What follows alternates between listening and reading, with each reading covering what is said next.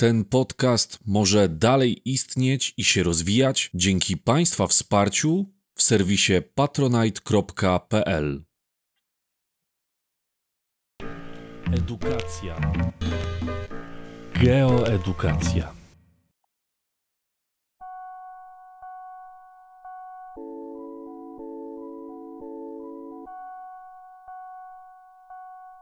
Lądy i oceany na Ziemi.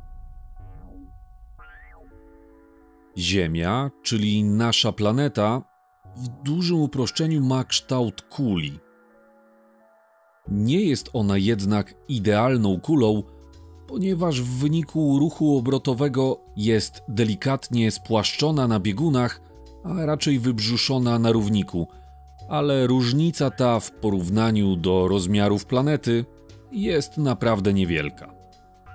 Jeżeli widzieliście kiedykolwiek globus, to zapewne zauważyliście, że każdy z nich jest delikatnie pochylony.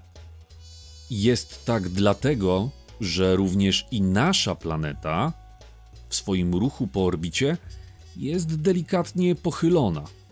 Oś Ziemi, czyli linia, która łączy dwa bieguny, północny i południowy, jest nachylona pod kątem 66 stopni i 34 minut. To właśnie wokół tej linii Ziemia się obraca. Patrząc na globus z bliska, zapewne zauważyliście na nim wiele linii. Te pionowe to południki. Są to linie, które biegną po powierzchni naszej planety i łączą ze sobą dwa bieguny – czyli północny i południowy. Dwa najważniejsze z południków to południk zerowy, który nam dzieli kulę ziemską na dwie półkule.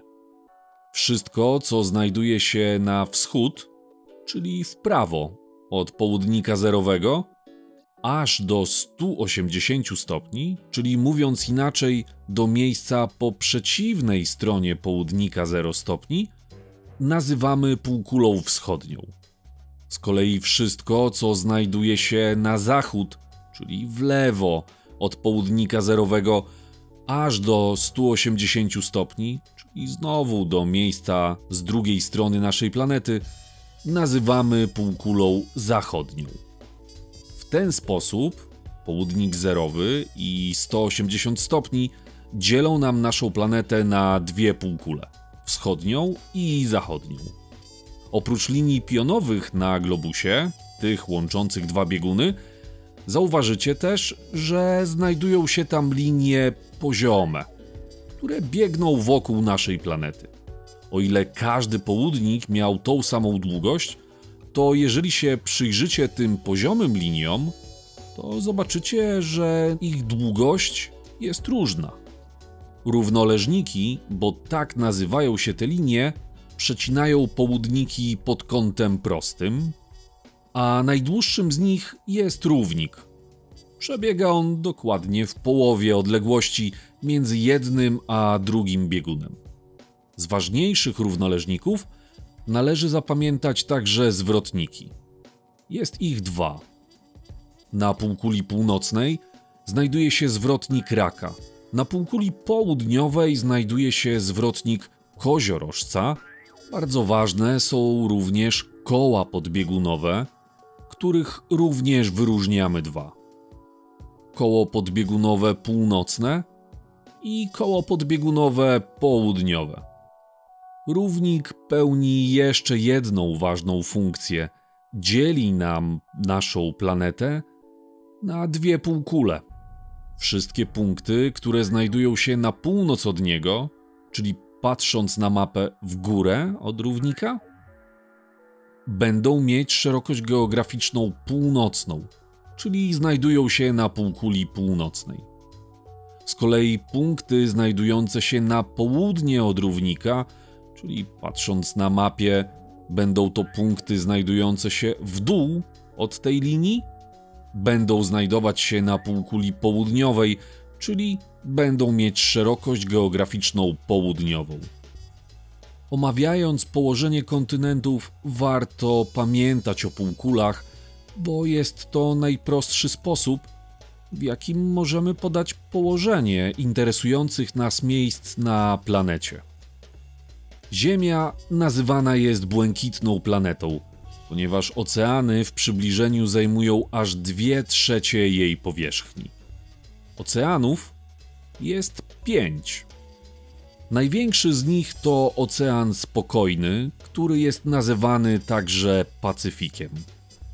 Rozciąga się on pomiędzy Amerykami na wschodzie oraz Azją i Australią na zachodzie.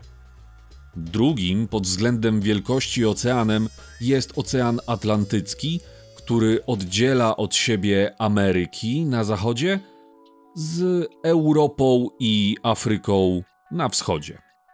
Trzecim pod względem wielkości jest Ocean Indyjski, z którym na zachodzie sąsiaduje Afryka, na północy Azja, natomiast na wschodzie Australia. Wokół kontynentu, który rozłożony jest wokół bieguna południowego, czyli Antarktydy, rozciąga się Ocean Południowy. Natomiast wokół bieguna północnego znajduje się Ocean Arktyczny. Kontynentów na naszej planecie wyróżniamy siedem. Zdecydowanie największym z nich i również takim, na których znajdziemy wiele innych rekordów, takich jak najwyższy szczyt, największe i najgłębsze jezioro, będzie Azja. Drugim pod względem wielkości kontynentem jest Afryka, którą przecina zarówno równik oraz południk 0 stopni.